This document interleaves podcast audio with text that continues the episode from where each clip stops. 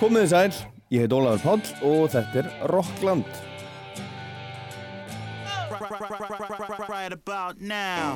Þið auglýsið hitt og annað, hérna hitt og annað sem svo aldrei kemur. Það var bara ekki auglýst, það var auglýst hvennasöng.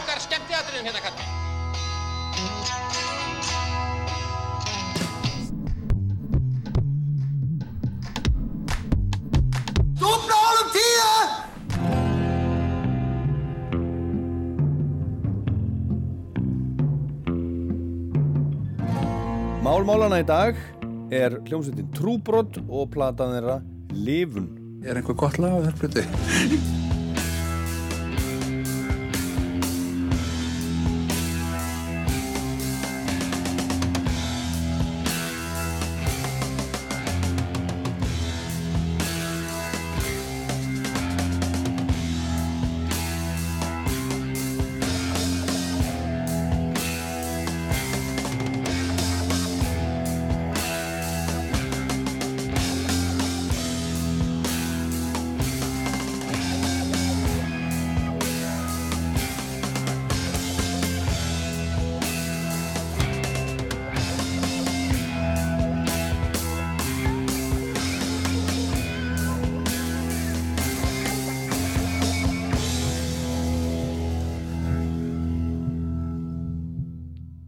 Árið 2009 gaf Sena, útgáfan Sena, út bók sem að heitir 100 bestu plötur Íslandsögunar.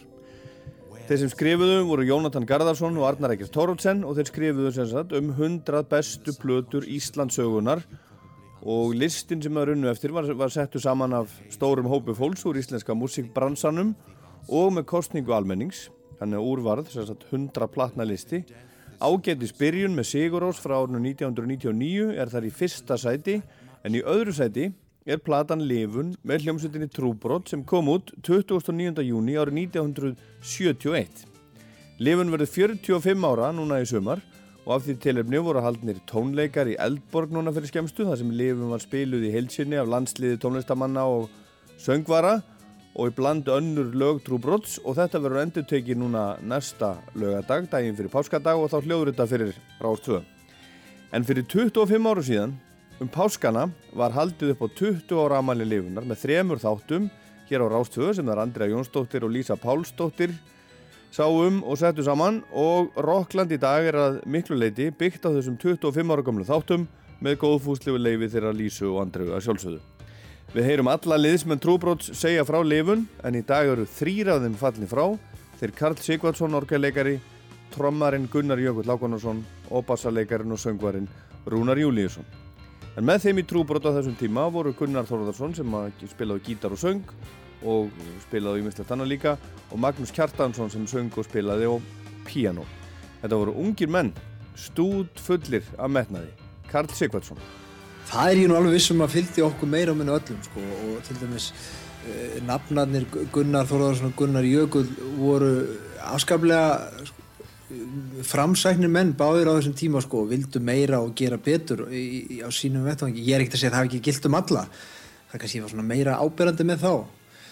Og, og ég, ég hafi líka haft þessa tilfinningu. Ég var nú í tónlistarskólanum á þessum tíma sko og hafði þannig aðra, svolítið aðra viðmiðun líka. Við vorum fyrir eitthvað hefnir allavega ég og Gunnar og nokkri aðri hefni með hljómsveitir. Við vorum í hljómum og það var ágættis vinsældir og síðan vorum við trúbót og þá fundum ekki svo mikið fyrir því en við okkur langaði bara alltaf að draga lengra langaði til að, að ná lengra komast stærri marka og svona komast á stórt plötusamling kannski og, og meika það bara reyðlega. Ég held að við höfum allir verið sko mjög alvarlegir tónlistamenn á þessum tíma. Ég held að það sé nú kannski svona sam nefnari fyrir þetta tímabil. Músíkinn var tekin mjög alvarlega. Maður spilaði frekar ekki tón heldur en að maður finnist ekki að hann ætti að vera þrungin að einhverju. Og uh, ég held að ef að maður skoðar þetta tímabil bæði í ellendri músík og þeirri músík sem var hér að skeið þetta var tekið mjög alvarlega maður var alveg tilbúin að svelta fyrir þetta og allt saman þetta er hljómsveiti sem voru upp á þessum tíma það er tóku sjálfa sig hátilega og alvarlega en fannst þau verið að gera eitthvað alveg sprungu nýtt. Þetta er svona eins og að standa framann á einhverju ægilegri bjargbrún sko, og vera að sjá eitthvað sem enginn hafi sjáður. Það sem mér fannst best við, við lifun með margar aðra plötur sem voru gerðar hann og voru gerðar hann áður að hún hljómaði þetta aldrei vel. Það var gott sound á henni. Ef við hefum farið einhvað annað tekið henni upp hérna á Íslandi þá hefði einhvað allt annað komið út. Þannig að sko fyrir mér var það aðalega sko það var svona kraftur í henni.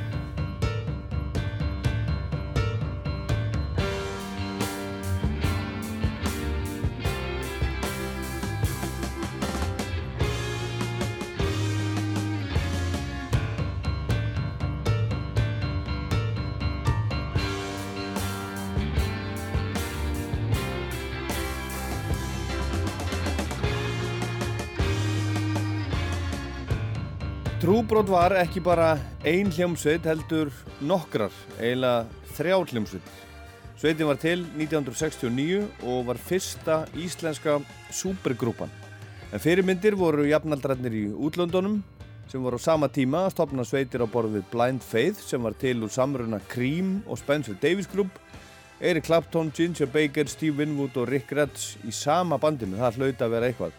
Og þetta þótti merkilegt á þessum tíma og trúbrot var svona sambarilega efing, Gunni og Rúnar úr hljómum, Kalli Sigvards og Gunnar Jökull úr Flowers og svo söngkonan frábara Shady Owens, síðar Maggi Kjartans og Ólafur Garðarsson. Trúbrot sendi frá sér í það heila fjóra plötur en það var aldrei sami mannskapurinn og svo útgáfa trúbrot sem gerði lifun lifði ekki nema í tæft ár. Shady Owens var í fyrstu útgáfa trúbrots, kom með Gunna og Rúnari úr hljómum Hljómar breytust líka talsvert á þeim tíma sem að þeir voru starfandi. Þetta gekk allt einhvern veginn mun hraðar fyrir sig í þá daga enn í setni tíð. Fólk vissi ekkert hvernig þetta yrði, hvernig tónlistar ferill gæti yfir höfuð þróast eða hvort hann þróaðist eitthvað yfir höfuð. Það var ekkert verið að fjárfesta til framtíðar í einni hljómsveit, menn prófuðu marga spúna og margar flugur. Vissi ekki hvort ævindir yrði bara búið á morgun eða hinn og Þetta unga fólk bjóst allt eins við því að þurfa að hætta þessu popstandi bara í nánustu framtíð og fá sér launað alvöru starf. En í dag hugsa rúnd fólk þetta allt öðruvísi held ég. En 1968 byrjaði Seiti að syngja með hljómum og þá voru í bandinu Gunni og Rúnar og Ellingur Björns og Engilbert Jensen. Seiti hafði verið söngkona óðmanna en óðmenn voru að hætta og hljómar fengan yfir í sitt lið. Og þarna á þessu tíma voru hljómar og Flowers aðalböndin á Íslandi. Jónas R. Jónsson var söngvari í Flowers og þar voru líka Gunnar Jökull og Karl Sigurdsson.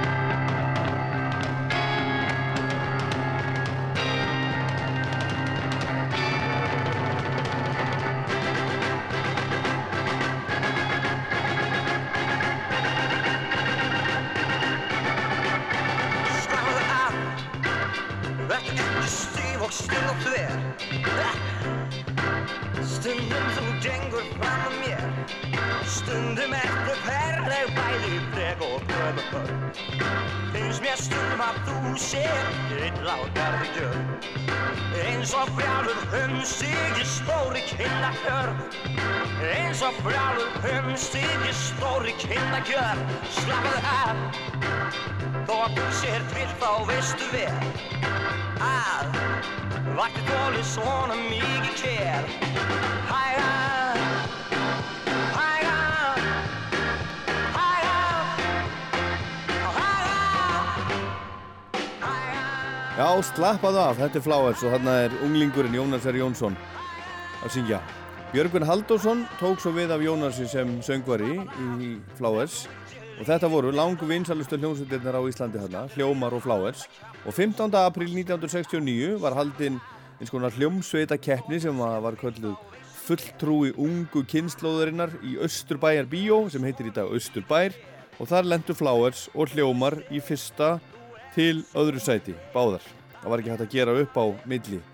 Að keppni loginni var svo parti og efriðahæðinni í Östubæbjó sem hýsti skemmtist að unga fólksins á þeim tíma, Silfur tunglið og þar sátu þeir saman, þeir Gunnar og Gunnar, Gunni Þórðar og Hljómum og Gunnar Jökull og Flowers og lögðu á ráðin um nýja hljómsveit, úrvals hljómsveit, supergrúpu sem var svo til, skömmur síðar.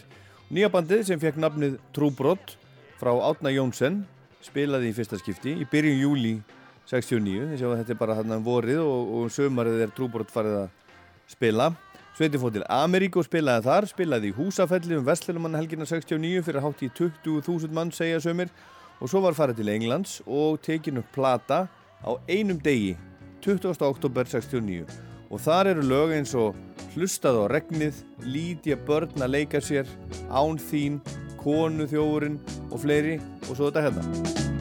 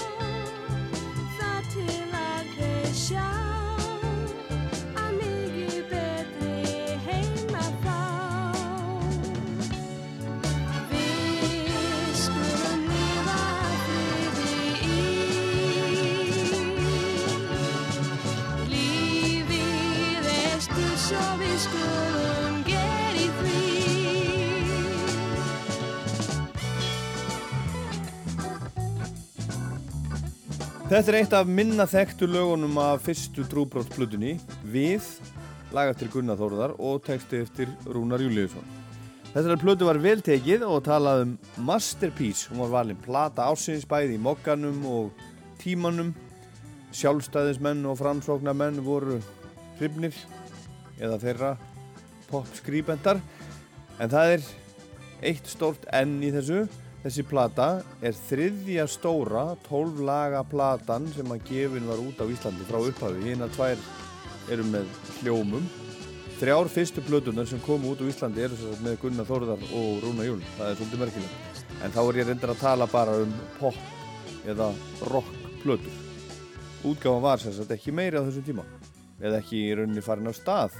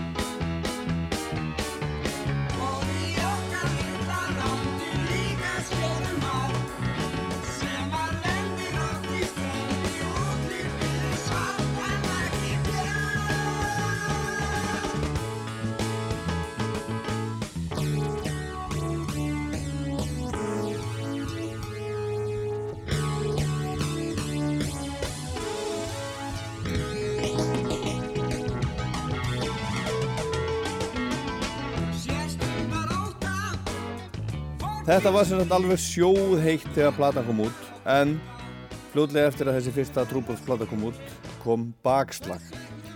Fyrir það fyrsta þá var hljómsveitin byggðin um að koma og spila á friðarsamkomu í Háskóla bíói 15. november 69 sem að var svo að mati hljómsveitarna misnotuð í pólitískum tilgangi og það fór fyrir brjósti á hljómsveitinni. Trúbrot mætti til að spila fyrir friði í heiminum almennt en ekki til að styðja íslensk stjórnmálaöfl með einum eða öðrum hætti. Og svo var það hitt, skömmu setna, við húsleit fannst slatti af kannabisefnum heima hjá yfirmanni í bandariska hernum og keflavíkuflugvilli.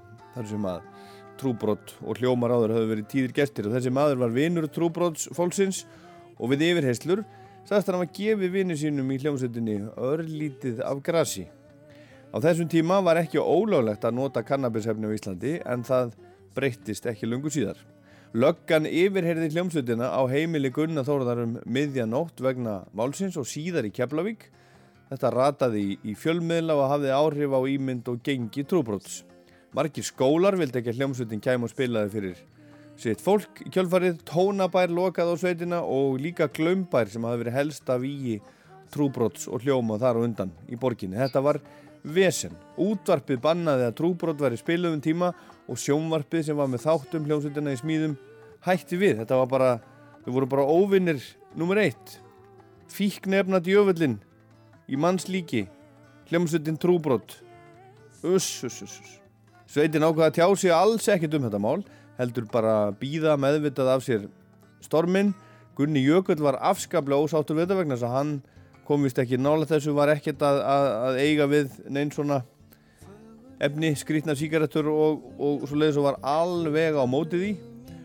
En þetta var þannig mál að þessum tíma að það hefur alveg sama hvað þau hefðu sagt, það hefur snúið út úr í öllu. Já, hvað bara þegja og segja ekki neitt. Ást í sál, ástarbál, fyrir heim gerfallan, hefi ég reynt alveg, létt ég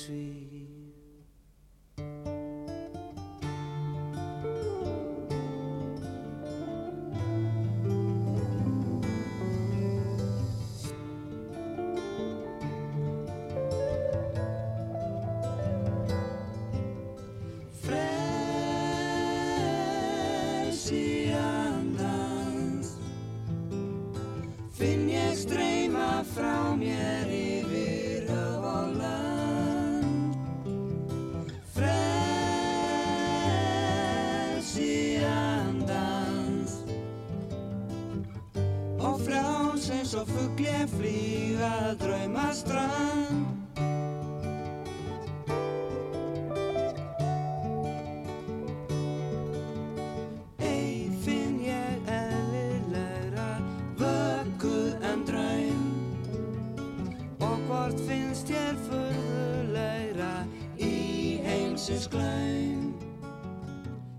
Þessi vandræðagangur hljómsveitarinnar í bland við æsku meðlima, drauma þeirra og vonir var til þess að þessi upphaflega útgáfa leistist upp um vorið 1970.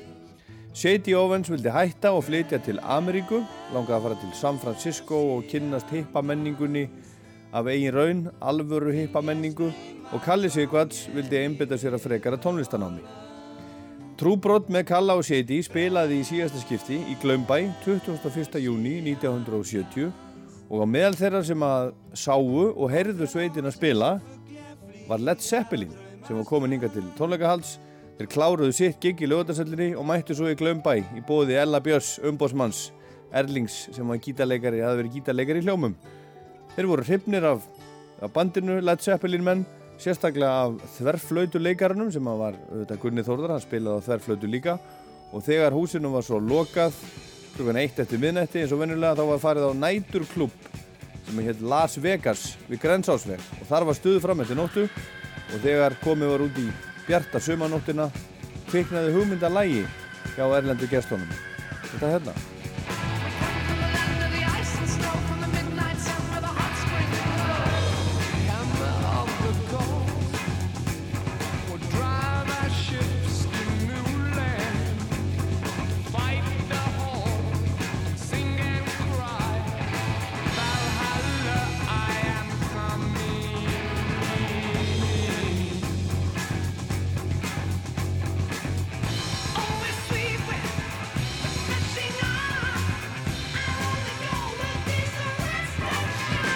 Þetta er uppáðslag þriðju plötu Led Zeppelin sem kom út í oktober 1970. Þau voru að taka hann upp frá því desember 69 fram í júli 70. Kláruðu þess að taka hann upp réttir eftir að þeir komu frá Íslandi og þú saga hefur alltaf gengið að þetta sé svona Íslands lægi þeirra Zeppelin manna.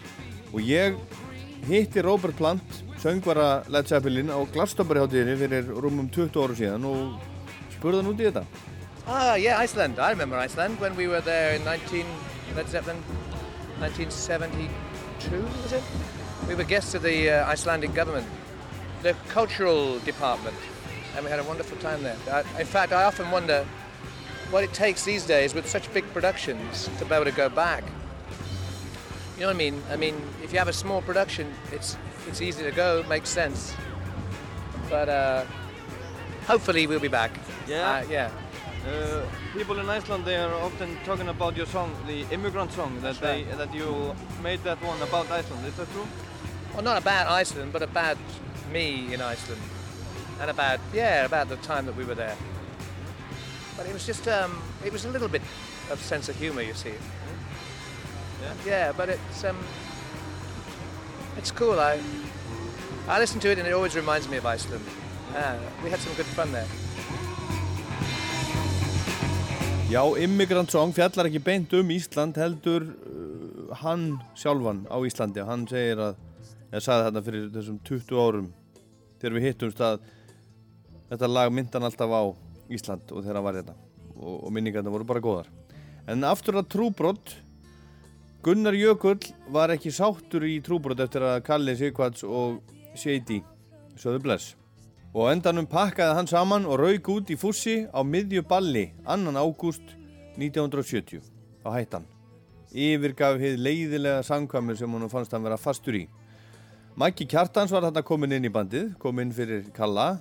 Ari Jónsson trommaði með þeim um tíma og svo kom Ólafur Garðarsson inn í hljómsveitina. Og þetta voru alls konar flækjur. Til dæmis, nokkru mánuðum eftir að Kalli, Seiti og Gunnar Jökull voru öll farin úr bandinu kom út lítil plata með þremur lögum þar sem að þau eru öll. Og þetta er eitt af þessum lögum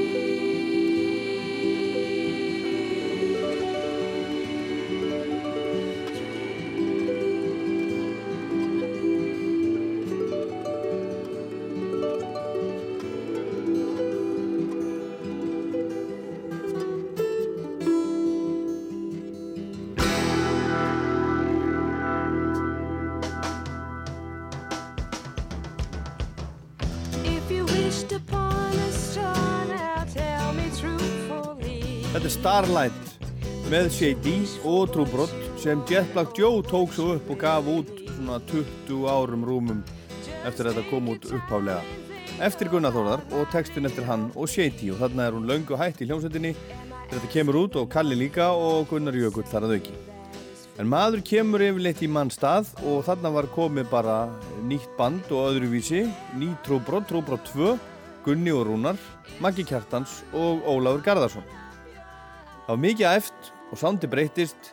Heitast að nýja bandið í útlöndum var Crosby, Stills, Nass og Young, syngjandi, lagasmiðir og gítarleikarar sem sungu um ást og um frið og stríð og kassagítarinn var í aðalauturki. Sitting here waiting on the right around track, waiting for my tomorrow. Yesterday's gone and it ain't coming back. It left me full of sorrow. Nowhere to go. Somebody please help me get on the love track. Cause that's where I wanna be. Help me before my mind cracks. Somebody save me,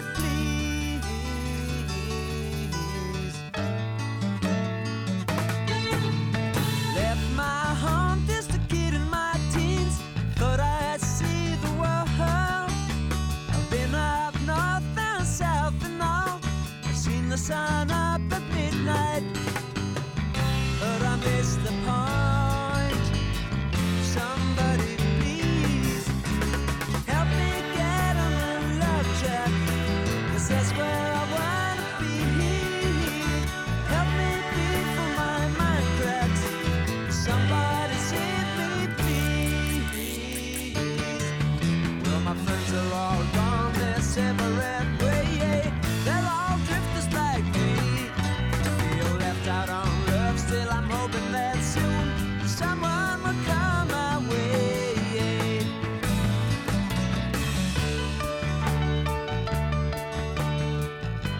Þetta fína lag er af annari plötu Trúbrots sem að heitir Undir áhrifum og hún var tekin upp á tveimur dögum í oktober 1970 í Kaupmannahöfn á tíu rása upptökuvel og sá sem að hannaði umslægið sem sýnir Trúbrots hippana fjóra á ruslahaugum varnaliðsins í Keflavík var Björn G. Björnsson einn af liðsmönnum Savana tríósin sem hafði gert garðin frægan á Íslandi árin hann á undan en hann var á þessum tíma búsettur í Kaupmannahöfn. Ég er sem sagt í ég leikmyndateknar hjá sjónvarpinu þegar þetta er 1969 og 70 og uh, þarna 1970 um veturinn þá er ég hjá danska sjónvarpinu í svona við nám og þá sá ég svolítið um það að fá trúbrot til að koma til Kaupmannahöfnar og uh, bókaði þá í, á, á, á, á góðan hérna, frægan stað sem heitir Revolution sem var svona uh, mjög þekktu staður í unga fólkinu og þar voru rockbönd að spila og, þar spiluðu þeir nokkrum sinnum og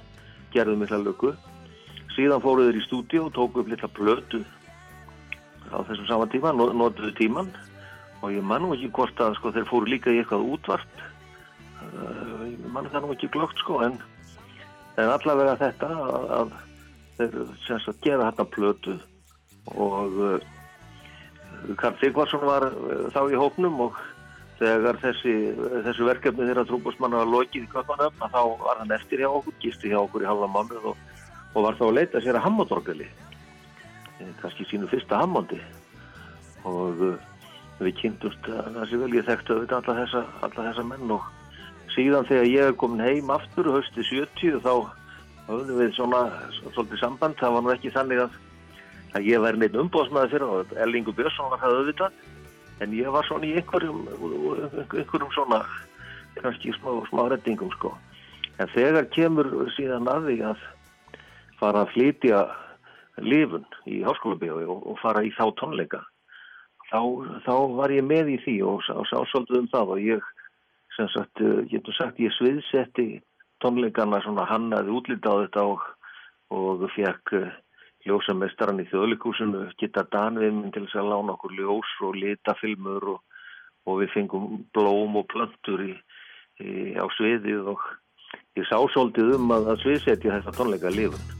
Það var auðvitað óskaplega skemmtilegt og, og, og magnað.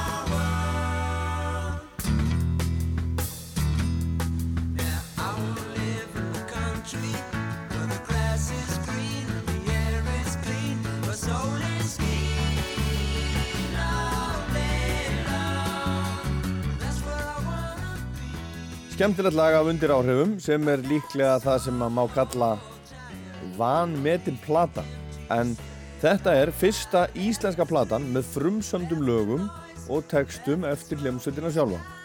Plötunar sem hefur komið út þarna á undan með hljómum til dæmis, hljómaplötunar og fyrsta trúbrotsplatan eh, á þeim eru lög og textar sem eru eftir aðra heldur en hljómsveitina sjálfa í bland við frumsami lög en undir áhrifum En á undir áhrifum eru öll lög og allir textar eftir hljómsveitina. Og hún var auglist svona, þetta er í fyrsta sinn sem Íslensk hljómsveit sendir frá sér frumsamda LP-plötu.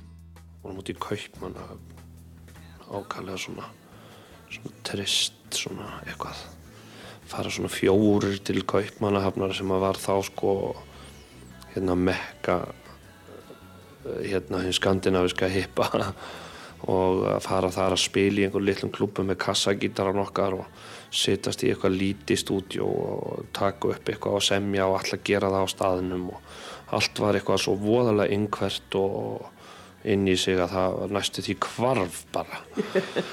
Og þetta var voðalega svona byggsi matur og maður átti krónu og var búinn að semja við eitthvað kall á hotninu maður, maður fengi í þetta afganga og svona þetta var svona svakalega bóhem eh, hérna, mikið bóhem líf og mikið eh, listamanna eh, tímabil. Maður bara, þú veist, var farin að svelta í ellendu borgum maður farin að trúa í sjálfur að maður væri listamann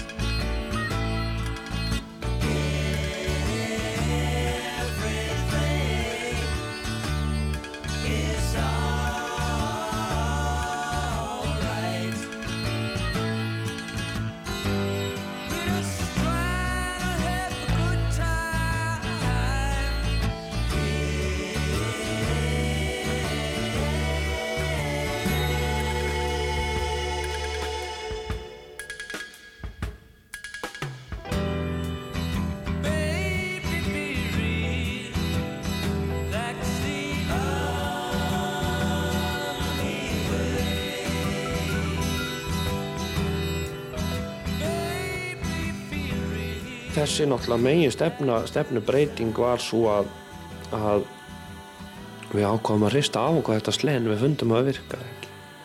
Og gassagítarinn og þetta, uh, þetta svona yngverfa ástand þetta bara virkaði ekki neitt og það var ekkert gaman að þessu. Og það tekið upp á því að fara nú að berja bara í þetta þetta, þessi hljófari sem við áttum og, og býða og sjá og reyna hvort það var ekki hægt að fá okkur almennlega þetta að koma út úr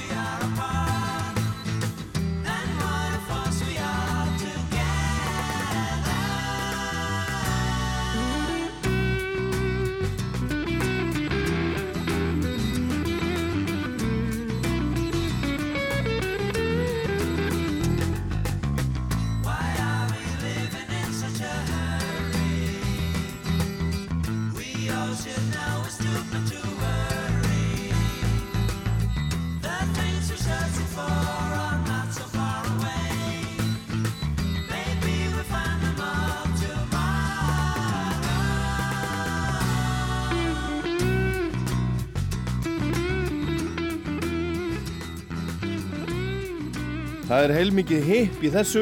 Þetta er eftir Magga Kjartans af undir áhrifum plötunni, heitir Sunbath og hérna er hann að velta fyrir sér lífin og tilvörunni og okkur fólk sé að flýta sér svona mikið og, og, og það er ekki að hafa áhyggjur á morgundeginum eða bara hleypa sólinn inn í lífsitt, eitthvað svo leiðis.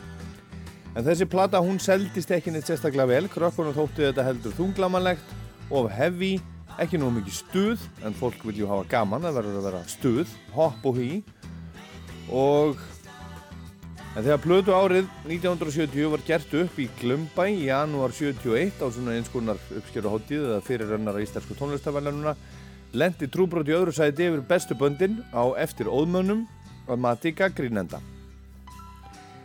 Og í janúar 71 líkur þessum fasa trúbróts, trommarinn Ólafur Garðarsson fekk reysupassan og Gunnar Jökull og Kalli Sigvarts koma tilbaka. Þeir voru hættir en koma aftur og á sama tíma fær Ellingu Björns umbóðsmaður sem hafi verið gítarleikari hljóma að vita að það sé ekki þörf fyrir hann heldur.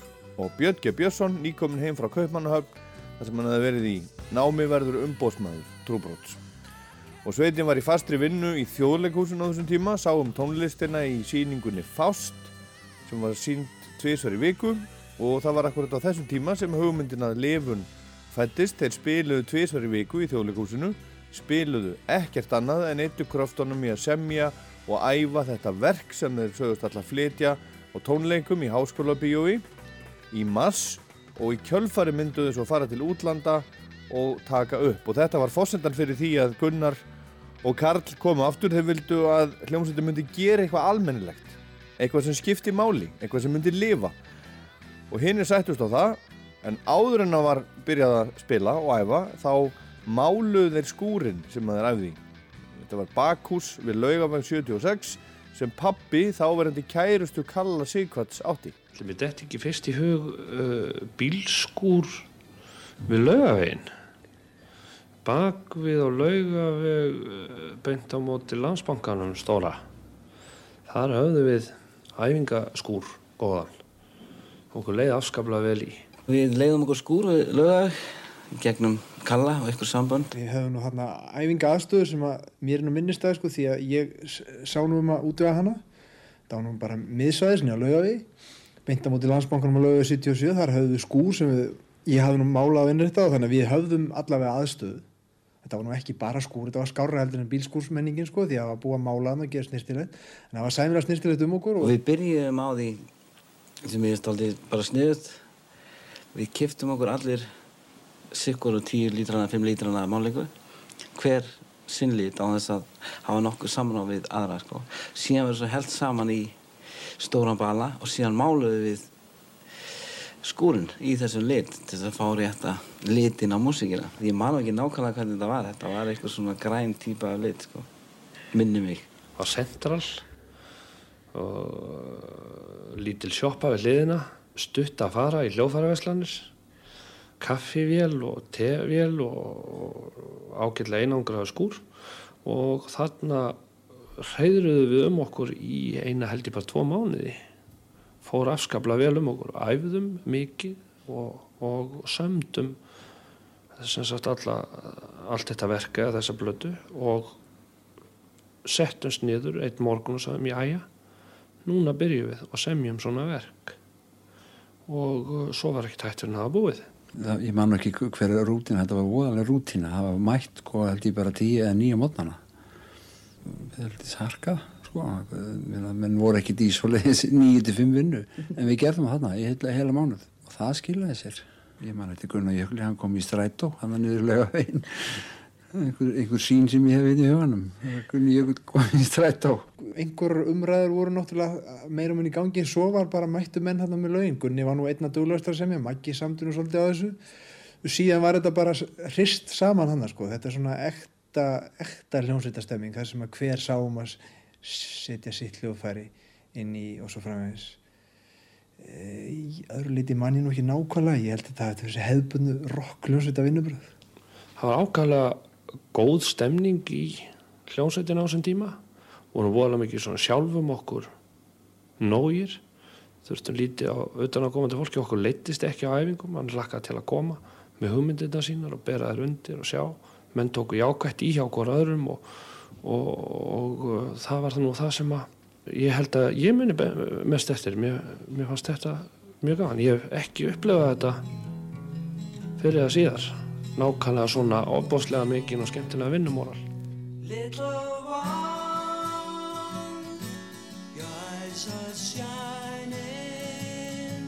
so full of tenderness, innocence. Your heart seems full of joy when you grow to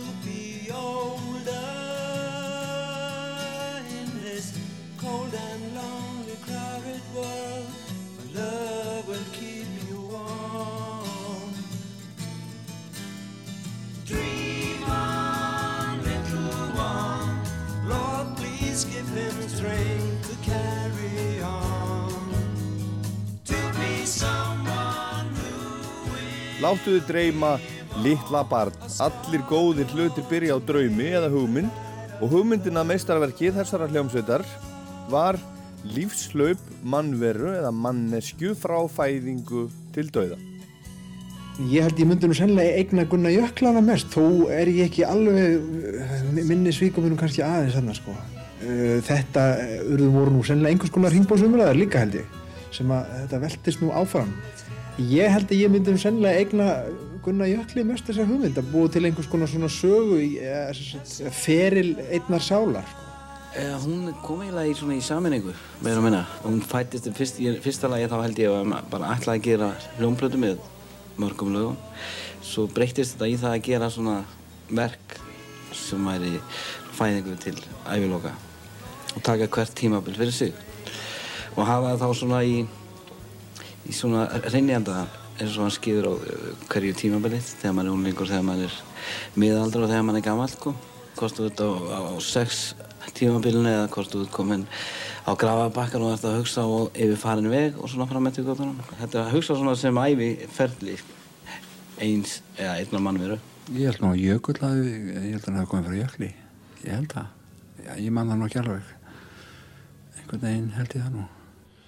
Eitthvað vorum við búin að tala saman um þetta en ég held að það hafi verið tekið af skarið og, og ég held að ég hall ekki á neitt til ég segja að það sé Gunni Jökull sem hafi átt á hugmynd um að hafa þetta eina heila plötu með einu heilu samféldu verki og hún skildi fjalla um æfi manns frá fæðingu til döðadags og að við skildum binda okkur við það alfarið þann sögutráð semja inn í hann.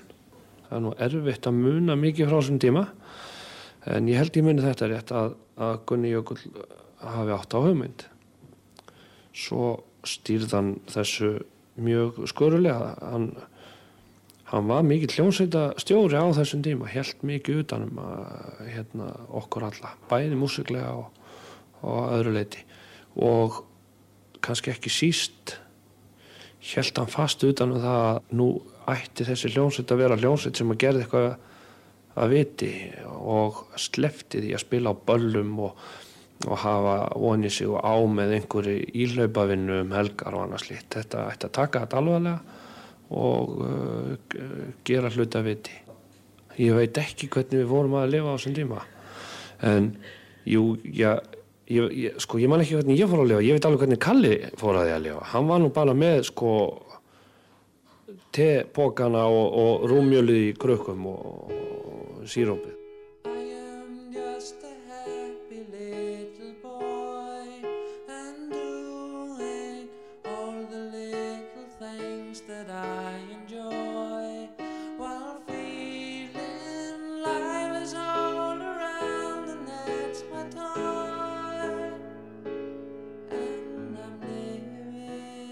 Þetta voru ólíkir karakterar sem mynduðu þessa mögnuðu hljómsveit á sínu tíma, trúbrott og það er ekkert endilega slæmt, en heyrum hérna hvernig þeir Kalli, Sigvarts, Gunni Þórðar, Rúni Júl og Maggi Kjartans lístu samstarfinu í lifunar þættinum sem Lísa Páls og Andrea Jóns gerðu hérna á Rástöðu fyrir 25 áru síðan.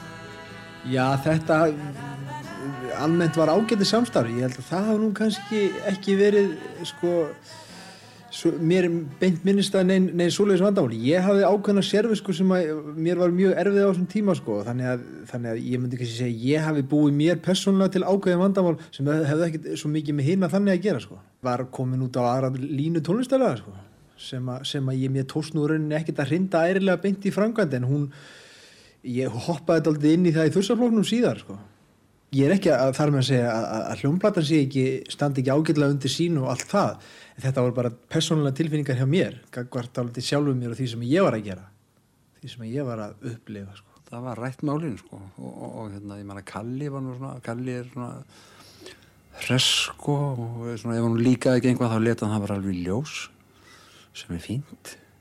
Þannig að það, sko, það var skemmtilega menn voru kritiseraður og og ef að einhvað fílaðist ekki þá var, það, þá var því bara hend ef mann rétt sko það var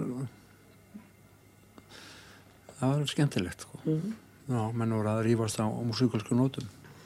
Músikantar eru góði vinnir og sliðis en þegar þeir hittast þá held ég að tali sjálfnast um músík. Eða svona, veist ég held að ég er, er að tala um eitthvað allt annað en músík þannig að sko að músíkantar eru að vinna einhvern hlut saman og, og er að svona, að kritisera hvort annan, það er afskaplega salgjart held ég ég held að ég hef alltaf ekki vannið því Um leið og samstarfið var til þá, var strax farið að hugsa um að gera hljómblötu sko. það var ekki bara til að fara að spila eitthvað heldur til að fara að skapa eitthvað það var alltaf strax sett á oddin sko.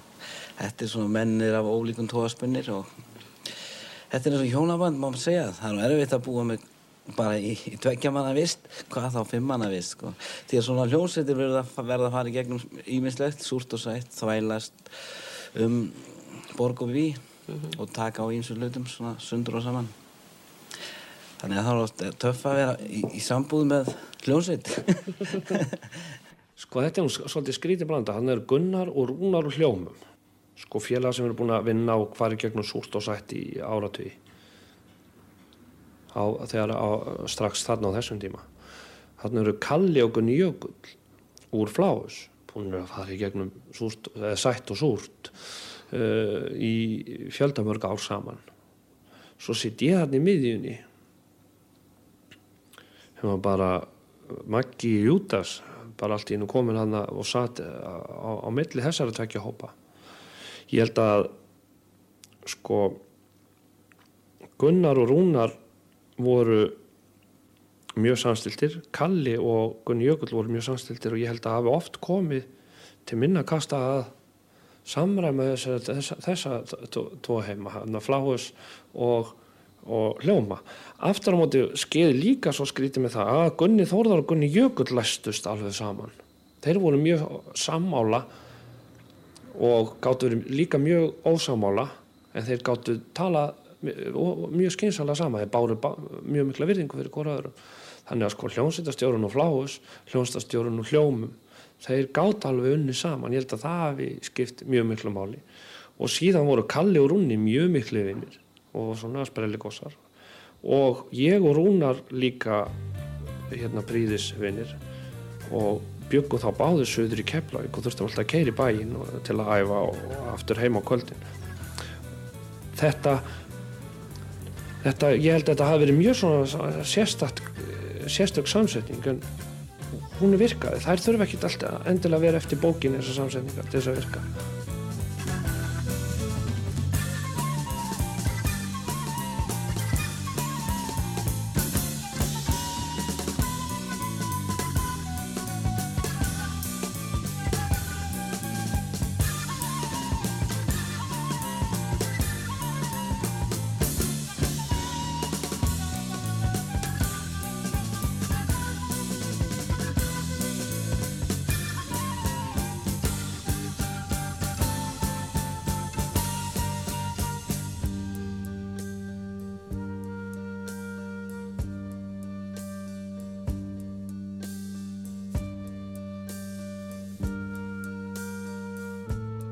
er langur tími síðan þessi plata kom út, Livun, 45 ár, hugsið ykkur. Og þeir sem voru í hljómsveitinni voru bara rétt rúmlega tvítugir, ungir menn sem vildu sanna sig, sína að þeir gætu eitt og annað, það var eitt og annað í það spunnið. Það er ég nú alveg vissum að fylgdi okkur meira minna öllum sko og til dæmis uh, nafnarnir Gunnar Þorðarsson og Gunnar Jökull voru afskaplega framsæknir menn báðir á þessum tíma sko vildu meira og gera betur í, í, á sínum vettvangi. Ég er ekkert að segja að það hafi ekki gilt um alla. Það kannski var svona meira áberandi með þá. Og, og ég, hugsa, ég hafi líka haft þessa tilfinningu. Ég var nú í tónlistaskólanum á þessum tíma sko og hafði þannig aðra, svolítið aðra viðmiðun líka. Já, já, alveg öruglega að reyna að sanna sig eitthvað. Ég er alveg viss um það. Við vorum fyrir eitthvað hefnir allavega ég og Gunnar og nokkri aðrir hefni með hljómsveitir. Við vorum í hljómum og það var ágættis vinsaldir og síðan vorum við trúbót og það var ágættis vinsaldir þannig að fundum ekki svo mikið fyrir því en við okkur langaði bara alltaf að draga lengra langaði til að, að ná lengra komast að stærri marka og svona. Og við spiluðum við það og fórum til Kaupmannhamnar og svo en okkur langaði til að ná eins og ég segi komast á stórt plötusamling kannski og, og meika það bara hreinlega Ég held að við höfum allir verið sko mjög alvarlegir tónlistamenn á þessum tíma. Ég held að það sé nú kannski svona sam nefnari fyrir þetta tímabil. Músíkin var tekin mjög alvarlega.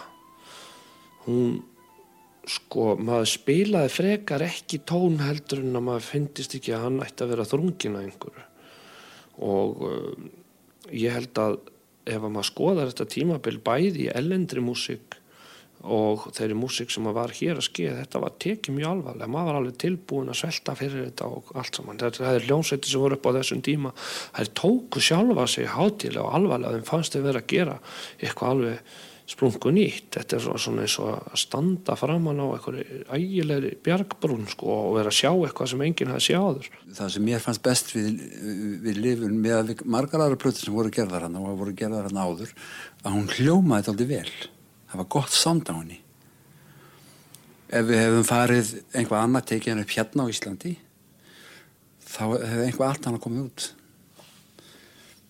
þannig að sko fyrir mér var það aðalega sko, það var svona kraftur í henni sem að mér, ég var ánæði með. Ég veit ekki þegar ég hugsa tilbaka um lifin þá eh, finnst mér ekki mikið af góðum lögum á henni. Ég man ekki, er einhver gott lag á þær plötu Við höldum áfram með Rockland og lifun hérna rétt á eftir. Rockland á Rástöð Frjálst, óháð. Og í bóði íslensku þjóðarinnar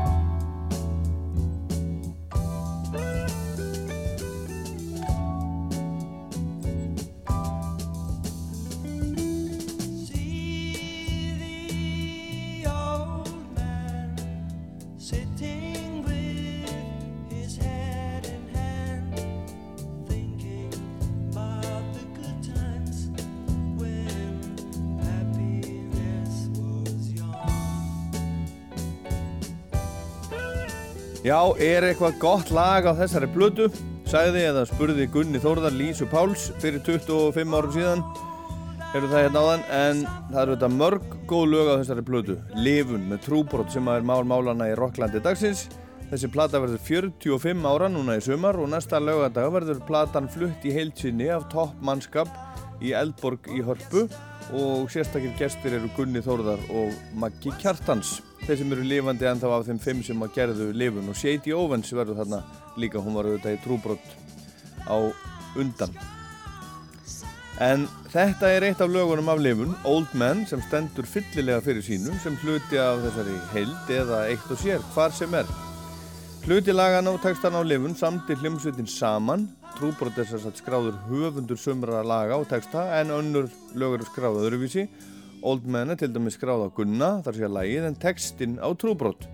En eins og framöfu komið er lifun konceptplata, eins konar rock-ópera í raunni, sem segir sögu einstaklings mannveru frá fæðingu til döða. til hvað ser maður að þessu sko mann fyrir að spyrja saman sig hver er tilgangurinn að því mann eigir hann ekki alltaf að sé eitthvað sko, líffræðilegt markmið það er engin láti vita því það eru bara allir að taka þátt í leiknum sko og mann fyrir að spyrja saman sig Já, það var svona ákveðin frustration þarna í gangi í bandinu. Já, já, það var...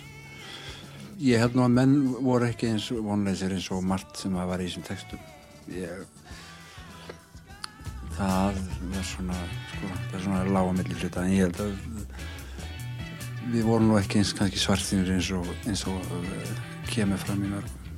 Næ, ég held ekki.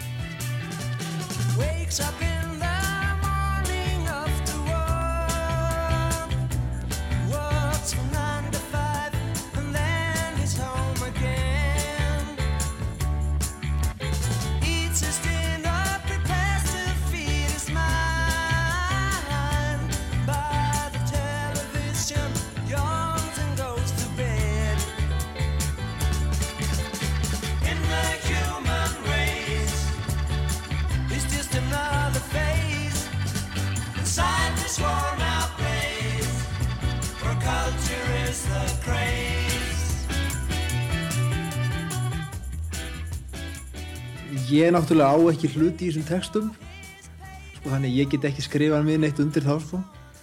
og ég er alveg, alveg hérna, frí, var eiginlega og ég er algjörlega frýr við allt sem heitir það þó að ég minnist þess nú að hafi nú verið rætt sko, textatinn hafi verið rættir svolítið mann á meðal, sko, hvað væri verið að segja það þá breytir það ekki því að, að, að ég er voðalega lítið, ég uh, átti ekki þátt í því og ekki, myndi segja að þetta hefði ég, þegar uppi staði þá var þetta nú ekki al, al, alfarið neitt mína skoðanir sko.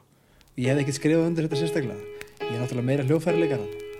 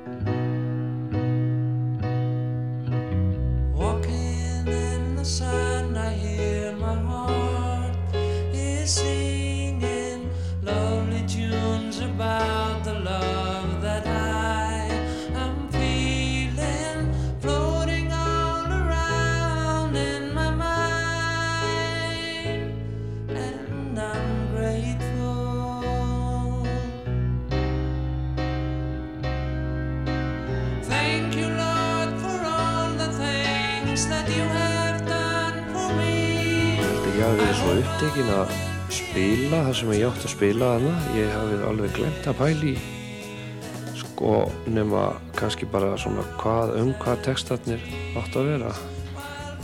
Ég hugsa aldrei og og hef aldrei hugsað neitt mikið um það hver, hvort að ég hafi haft einhverja afstöðu eða, eða, eða við einhverja eina heildar afstöðu til hlutana. Það var eitthvað ég gerði sjálfur þarna hvað tvo texta og tvö lög og mér fannst jú, kannski ég lýsti, lýsi minni afstöðu sem uh, óskup svipar hún er enn þann dag í dag í laginu To Be Grateful og svo er eitthvað annar lag sem ég bara man ekki eins og hvað heitir sem ég gerði texta við líka. Það, það eina sem ég man er að það er á svipum stað hinum einn á plötunni. Is there a hope for tomorrow? Já kannski hérna svolítið hérna það er kannski akkurat hinn hliðin á móti texta eins og Tubi Greitól en það er líka, það er líka haft hinum einn á plötunni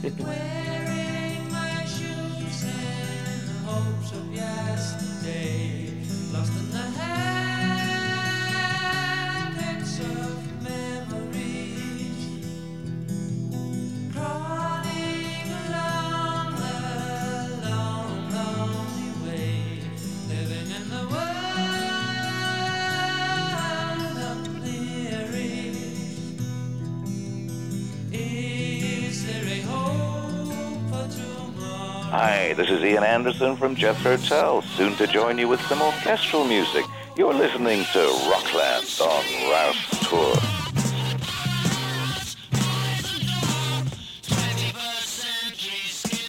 Ekkert verður til rengur, það veit allir og það er listin ekki undanskilin, eitt leiðir af öðru og áhrifavaldarnir voru margir hjá þeim félögum í trúborta sjálfsögur.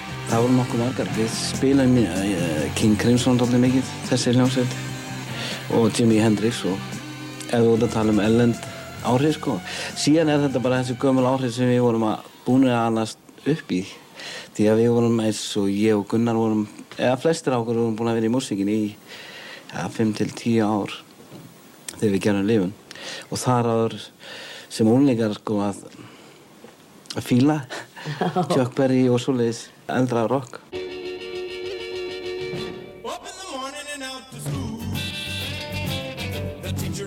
The golden rule. American history and practical math. You study them hard hoping to pass. Working your fingers right down to the bone. The guy behind you won't leave you alone. Ring, ring goes the Ég, ég á vol erfitt með að segja að ég hlustaði, hef alltaf hlusta á svona ægilegan graut af músík. Ég geti, þú veist, talið upp uh, hérna uh, Emerson, Lake and Palmer uh, Spencer Davis Group og Traffic Traffic hlustaði ég mjög mikið á. Uh, náttúrulega Blind Faith sem voru þarna uppi. Ég held ég hef nú bara aldrei hlusta á neina plötu eins mikið og þá plötu sem þeir gerðu. Uh, síðan var, kom einhver ægilegu grautur af, af uh, amerískri músík uh, eins og Brett Eagles já og síðan þessi kannski öss, neð, þessi vestustrandar lína hérna uh, Electric Flag og Paul Butterfield Blues Band Já, þetta er þetta er nú svona sko kannski eitthvað af því sem að maður var að lusta á þessum tíma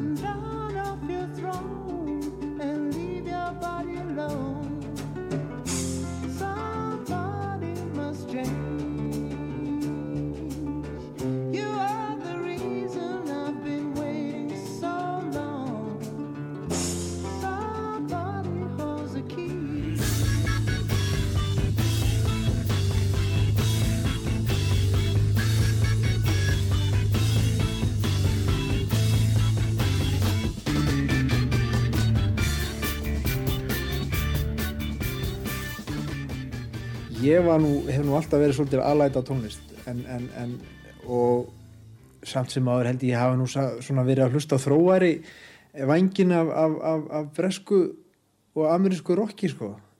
E, e, talandi um, um þá tegund tónlistar þó ég hafa nú alltaf hlusta á alls konar tónlist. Og þá koma mér í hug svona kallar eins og Keith Emerson en, uh, Emerson leik og Palmer og eitthvað svoleið sko. Það var nú það sem að svona eðlilega hljómbóstleikarar svona sem að vildu sem voru ekki að hlusta jazz hlustuðu aldrei mikið á það. Og svo kannski einhverja fusion hérna manni nú eftir eða, eða bræðslu eins og uh, Miles Davis Bitches Brew og eitthvað svona uh, heavy duty, sko,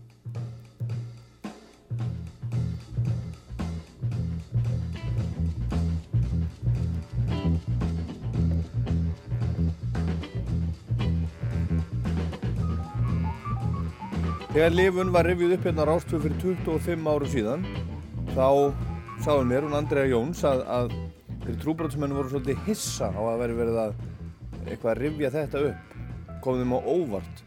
Og þeir voru spurðir hvort að þeir litu á þessa plötu sem einhvers konar tímamóta verk Skulum heyra hvað þessu er Sko ég á svolítið erfitt með að tala um þetta svona því ég er nú sjálfur þáttakandi í þessu. Ég gæti nú vel trúa því að það, hún, hún þóli þann titil nú alveg að, svona meðal íslenskara unglinga hafa verið það sko sem voru að reyna að spila þessa tónlist þá með, með, með, hún hafa nú geta kallast það. Það voru, það voru nú ekki margar plötur þarna á þessum tíma sem að þó minnist ég nú óðmannar plötu tve, tvöfaldrar sem að mér fannst nú svolítið tímamótaverk sjálfum. Líklega heldur fyrr en lifun en, en ég myndur kannski segja að lifun hafi haft svona svolítið meiri glampa svona, hafi svolítið glampa meira á hana hinn hafi farið heldur svona ekki og hljóðlátar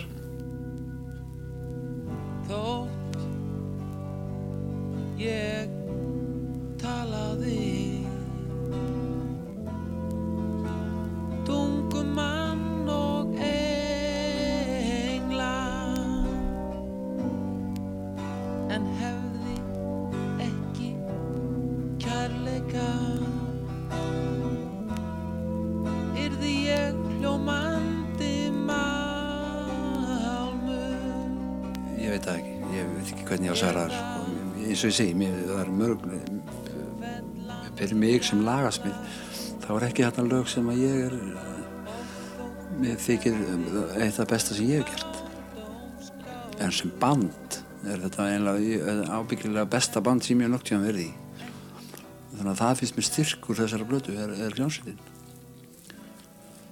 Og þar á stærstan hlut Gunni Jökull þó að, að mér finnist sko, Gunni Jökull var sko aðeins farin að svona slá slöku við hana en, en það var ekki farað á honum.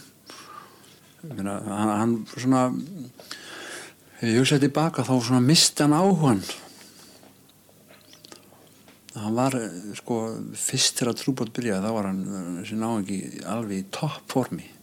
Og, og hérna einn já, sko besti músikan sem ég er nokk tíma unni með og, og það er nöyt sín þarna líka svona enga rámemuna í upptökunni sko þá, þegar við komum út þá var svona, þeir voru að rífa sig eitthvað Kalli og, og, og Jökullin sko. Eh, Kalli var ekkert ánæða með hann sko. hann fannst hann svona hann var að tala um eitthvað bjór bíti á honum og eitthvað svona þeir voru að svona, það komið svona einhver kergi á milli þeirra en uh, hann held þessu bandin alltaf saman. Ég meina sko, var sterkast í, í sko, músíkandina það fannst mér. Fyrir, fyrir sko, bandi sjálft. Ég hefði viljað eyða meiri, miklu meiri tími í plötuna sko. Við guldum fyrir það að við vorum í mjög góðu stúdíu, mjög góðu hljóðveri. Morgan sem að, sem að eh, var á þeim tíma sko afskaplega virt hljóðver en vorum með mjög lítinn tíma og, og, og sko þetta var ekki eins og við þessi stráka við byggjum í hljóðverum eins og, og kollegar okkar ellendis, þeir gáttu búið í hljóðverum. Þeir voru kannski mánuð yes höfðu verið að náður sko þrjár vikur með eitthvað þrjú að fjú lög. Sko samabörun, svo keiru við eina plötu hann inn á tveimur eftirmynduðum eitthvað svolítið sko.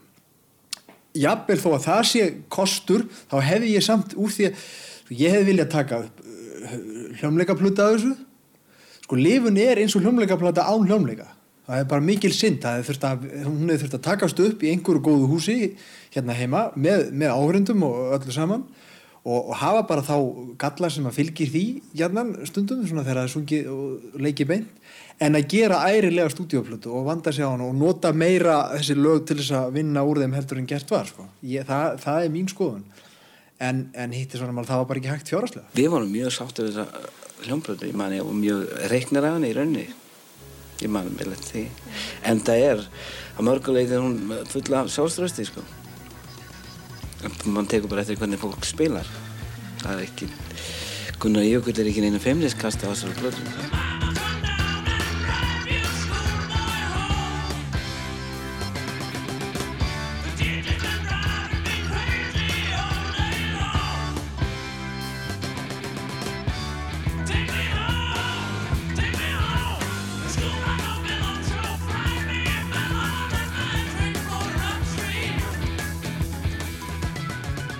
þetta var fyrsta hljómplata sem, að, sem ég hafi spilað á sem var virkilega vel undirbúin.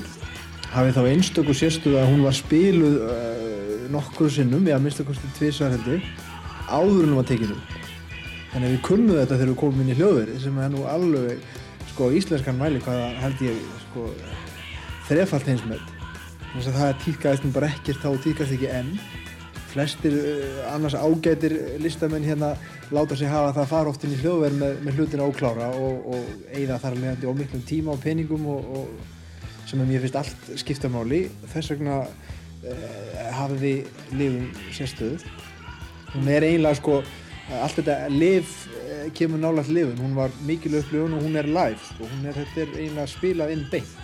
En þetta er hún það, hún er mjög fáa upptökutíma miðað við aðra vísningar hljóðverð Þegar Lifun kom út hafðu bara örfáar stóra plötur með íslenskum hljómsveitum komið út. Jónatan Garðarsson. Fram að þessu hafðu, hafðu nokkri gefið stóra plötu, það var Samana Tríóið og eh, Elli og Vilhjálmur og, og náttúrulega Elli með soloplötu og hinn og þessir en popgrúpunar, bítlaböndin proggböndin, þau voru ekkert mikið í því að gefa út stóra plötu vegna þess að það var ein, einfallega ekki markaður eða talið að vera ekki markaði fyrir þetta þannig að það, það komið litla plötur eða það komið bara ekki neina plötu með sumur hljósettum þannig eru hljóma búin að gefa út uh, tvær plötur stórar uh, trúbrot er búin að gefa út tvær fyrstu plötun sem komið 69 og síðan undir áhrifum sem seldist sáralítið komið reyndar út álega fáralögum tíma bara rétt fyrir jólinn og, og hafðengan sölutíma því að hún kom allt og sent og þeir telja sig vera með samningu við fólkanum það að gefa út þessa plötu. Greinlega hafði ekkert verið uh, búið að undirbúa það almennilega eða það hefur eitthvað slest upp á, upp á samstarfið eða eitthvað slíkt. Nema þegar að kemur að því að, að fólkin uh, frettir af því að, að sé, eða þeir séu tilbúinu með efni og heila plötu að þá hafnaðir bara því að gefa þetta út. Þeirra hafengan að senda út til útlanda til Englands til að taka upp plötuna. Og það fer að stað mikil fréttaskrif í blöðunum og niðurstaðan er svo að tveir náungar, annars að Pálmi Stefánsson á Akureyri í tónabúðinni og hins vegar um, Ármann sem átti heit Buxnaklöfin var fataverslun að þeir saminast um það að gefa blötun út. Þeir hefur eitthvað verið að fást í útgáfu áður og þeir fjármagna þetta og það líður svolítið tími frá því að tónleikaðunarhaldinir þarna í mass þar til að þið fara út til Englands, taka plötuna upp á tveimur stöðum í tveimur hljóðurum og síðan til platan kemur ekki út fyrir en í um, júni þetta sama ár. Þannig að það eru liðnir daldið margi mánuður á milli. Og þegar platan kemur út að þá eru búin að eiga sér stað breytingar á hljómsettinni þá er Karl hættur í hljómsettinni þannig að þetta er daldið sérkennlegt tímabili öllu leiti en það eru framleitt uh, 4000 endug með skilstafi selst 3800 endug sem að nægði ekki fyrir kostnaðinu við að framleiða plötuna við að taka hann upp og gera hana. Þannig að útgjöfundinu þeir grættu ekki á henni. Ég heldur að ekki tapað en það var allan engin gróði. Og þetta verður til þess að næsta plata True Broads, þar fæst engin útgjöfundi þannig að þeir gefa sjálfur út mandala og það er rúnar sem að gengst í ábyrð fyrir því að, að lánið verði greitt þar að segja hann bara hann eh, setur húsi sitt að veði og fær lán í banka. Þannig að þetta er nú engin svona sælu dagar þannig séð. Hi, my name's Matt. My name's Dominic, and uh, we play in a band called Muse, and you're listening to Icelandic National Radio 2, and we're on Rockland. Jæja, nú held ég að sé búið að tala um þessa músík, þessa plötu, lifun með trúbrott sem voru 45 ára núna í sömar. Nú mikið við skulum heyra músíkina, heyra plötuna í held, en við skulum láta eins og þeir séu að hlusta með okkur, strákarnir í bandinu, eins og þeir gerðu þegar Lísa Páls og Andrei Jóns revjuðu lifun upp um páskana 1991 fyrir 25 áru síðan í þremur þáttum. Þeir voru þrýr mættir í stúdíó í útvarsósið eftirleiti. Eitt var í símanum en einn komst ekki. Engi bara láta ykkur kynna ykkur formlega. Byrja frá hæri. Já, Já, til dæmis. Ég heiti Gunnar Þórðarsson, ég var gítarleikari í Trúbrot. Ég heiti Magnús Kjartansson og uh, var píjánuleikari. Ég heiti Karl Sigvardsson og ég spilaði svo til engöng á orgel þó snart ég nú við píjánu þannig líka á þessar hljómblötu. Eitt af eina fáum yfirtökum sem hafa voruð teknað.